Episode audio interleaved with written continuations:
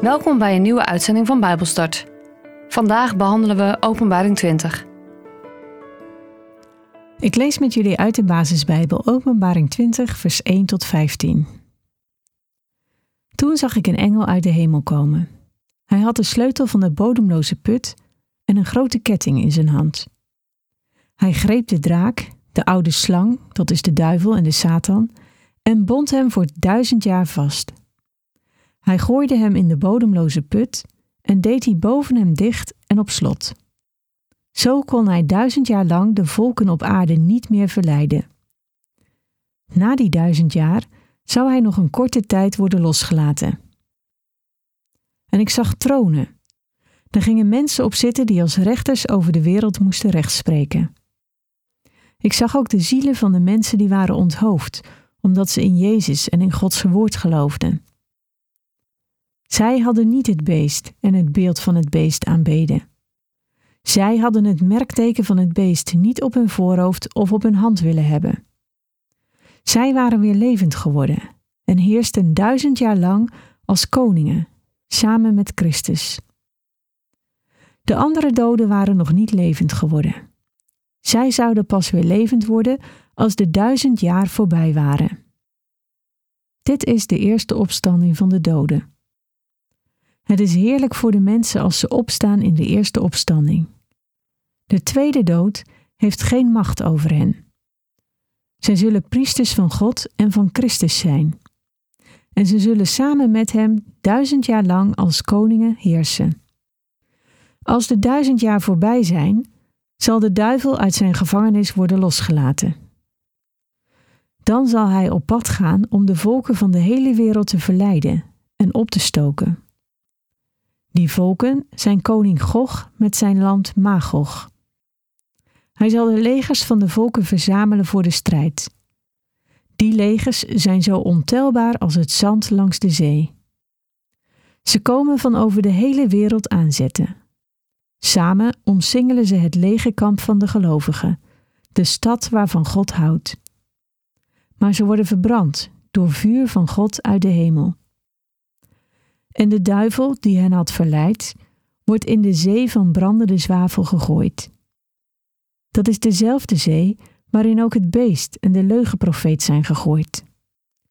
Daar zullen ze voor eeuwig pijn lijden, dag en nacht. En ik zag een grote witte troon en hem die op die troon zit.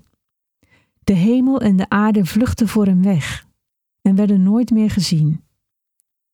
En ik zag de doden, belangrijke en gewone mensen, klein en groot, voor God staan. En er werden boeken opengedaan. En er werd nog een ander boek opengedaan, het boek van het leven.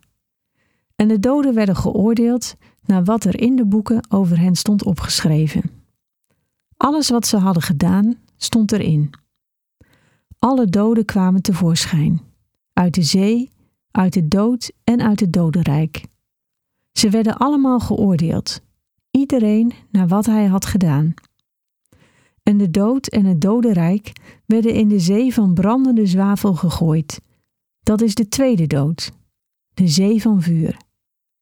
En als iemands naam niet opgeschreven stond in het boek van het leven, werd hij in de zee van vuur gegooid.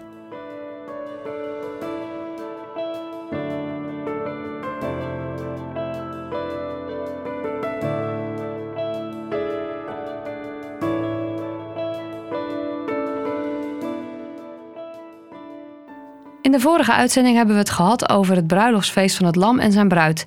En over de leugenprofeet en het beest dat in de zee van brandende zwavel zijn gegooid. Hun aanvoerder, de Satan, gaat nu nog vrij uit, maar niet voor lang. In dit twintigste hoofdstuk gaan we kijken wat er met hem gaat gebeuren. En dat lazen we in de eerste twee versen meteen al. In het eerste vers komen we de bodemloze put weer opnieuw tegen. Deze is besproken in Openbaring 9, dus zo'n elf studies hiervoor. Toen kreeg een ster die uit de hemel viel de sleutel van de bodemloze put. En toen die geopend werd, kwam er een dikke, donkere, zware rook over de wereld heen. En nu is er een engel die de sleutel heeft. En een grote ketting.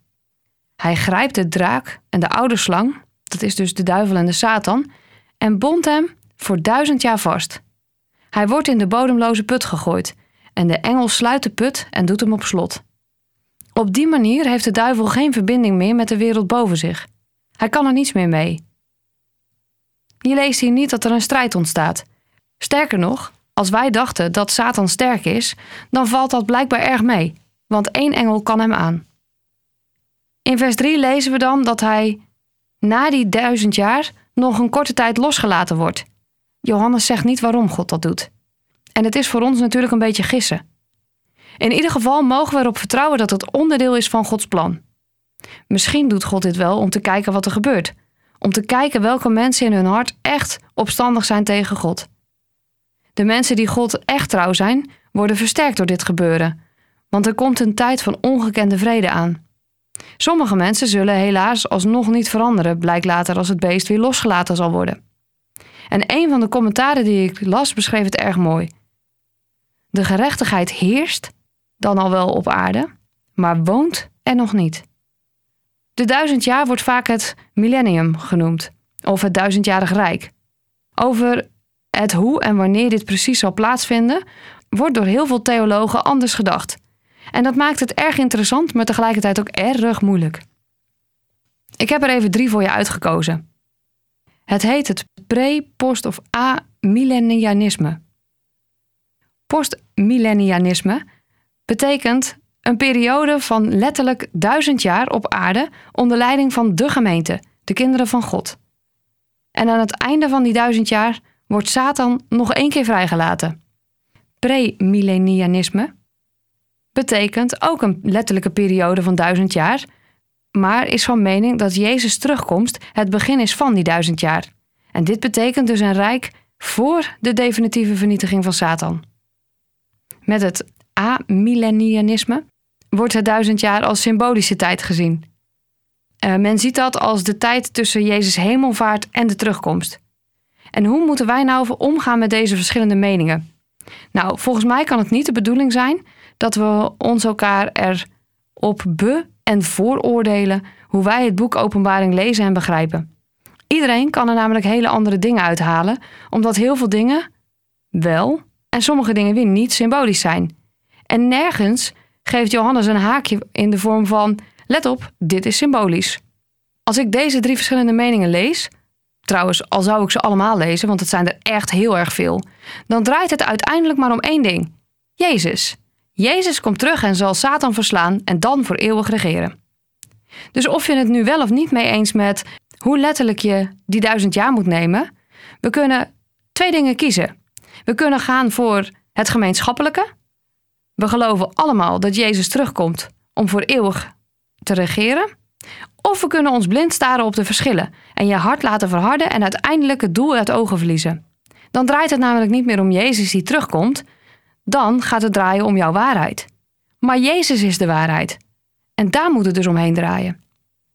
We mogen gewoon niet toestaan dat onderwerpen als deze zoveel verdeeldheid veroorzaken. God is een God van eenheid, niet van verdeeldheid. Dus doe er niet aan mee en blijf in liefde en focus je op Jezus. Uiteindelijk zul je dus zien dat het draait om één ding. Jezus komt terug, hij verslaat de Satan en zal eeuwig regeren. Over de opstanding zijn ook verschillende meningen, ook wel heel erg veel. Sommige mensen geloven dat, dat de eerste opstanding geestelijk gezien moet worden.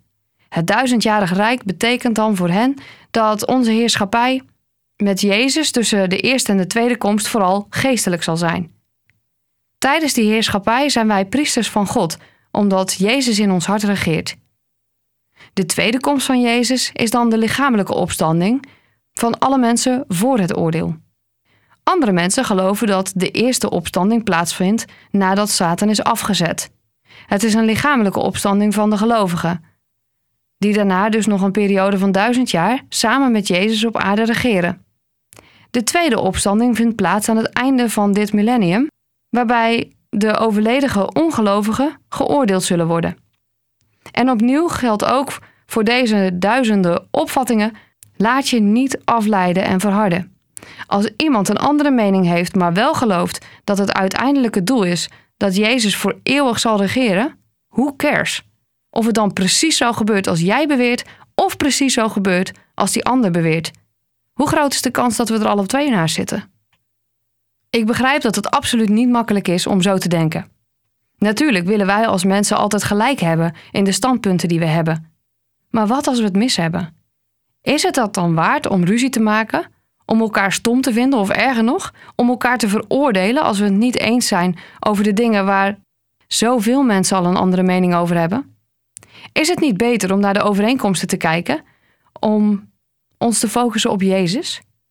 Een van de dingen die ik echt geleerd heb in het maken van dit programma is dat ieder kind van God wel ergens op een bepaald punt een andere mening heeft als ik. Of een andere mening dan een ander. Ik heb in de afgelopen 27 Bijbelboeken wel zoveel verschillende commentaren gelezen die elkaar soms echt compleet tegenspraken.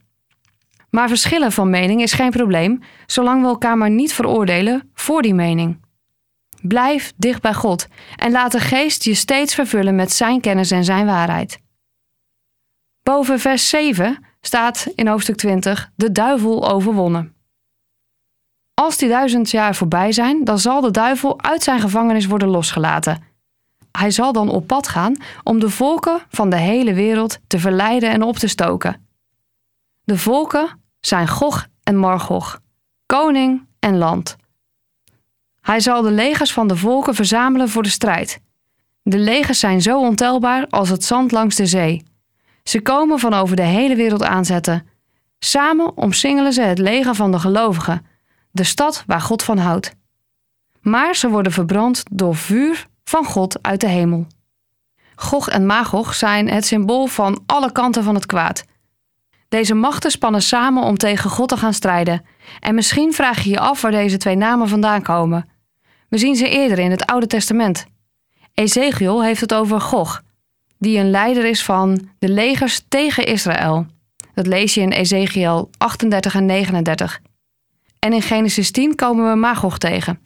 Dat is de kleinzoon van Noach, de zoon van Jafet. Maar dit is geen gewone oorlog waarvan de uitkomst in het heetst van de strijd nog niet zeker is. Hier is geen sprake van een echte strijd. Alle strijdmachten zijn samengevoegd, zowel die van het beest als die van Satan, en zij willen tegen God gaan strijden. Zij willen tegen de gelovigen gaan strijden. En weet je wat zo bijzonder is? Als je openbaring leest, dan zie je dat voor elke strijd die er geleverd wordt, maar twee versen aangeweid worden. In hoofdstuk 19, vers 20 en 21 lezen we dat het beest en zijn legers gevangen genomen worden en in de brandende zwavelzee gegooid worden. En hier lezen we in twee versen, namelijk 9 en 10, dat God Satan en zijn aanvallende legers met vuur verteert. Zo simpel is het. Voor God is het makkelijk, eenvoudig. En daarom hoeven wij, de gelovigen, geen twijfel of zorgen of überhaupt bedenkingen te hebben of we wel de goede partij gekozen hebben. Als je voor God gekozen hebt, dan weet je dat je die overwinning met Jezus zult meemaken. Satan gaat ten onder.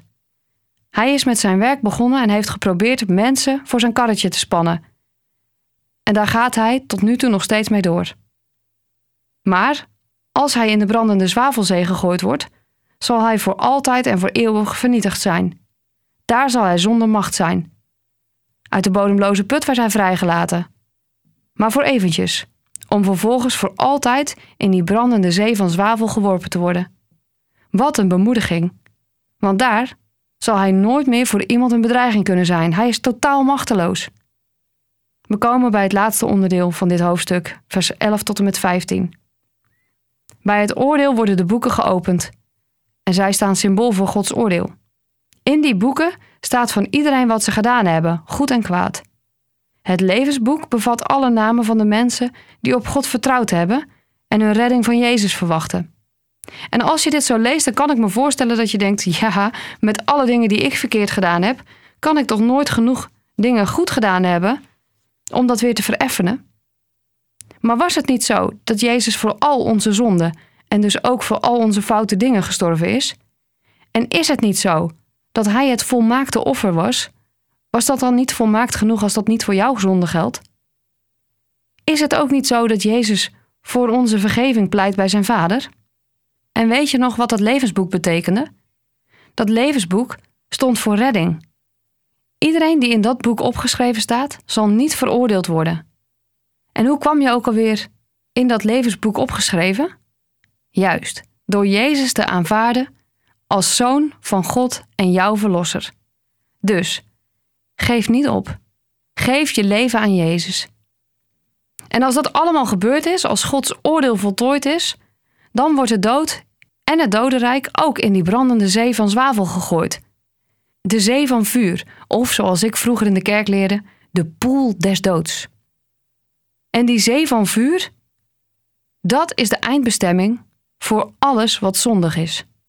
Satan, het beest, de leugenprofeet, alle demonen, de dood, de hel en iedereen die moedwillig zijn leven niet aan Jezus heeft willen geven. En voor de mensen die wel hun leven aan Jezus hebben gegeven, die mensen die wel hebben opengestaan voor het evangelie, de mensen die dus in het levensboek staan en de zegel van God hebben gekregen, die dus Gods kinderen zijn, die hebben zicht op de nieuwe hemel en de nieuwe aarde. En daar gaat het in de volgende studie over.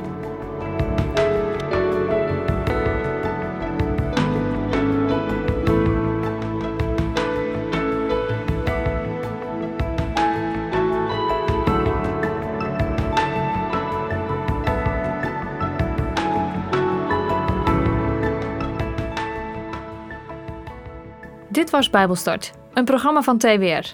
Het is gebaseerd op het Amerikaanse programma Through the Bible, ook wel TTB genoemd. En deze uitzending is een samenvatting van twee afleveringen. Wil je meer weten? Ga dan naar ttb.org of ga naar twr.nl/bijbelstart.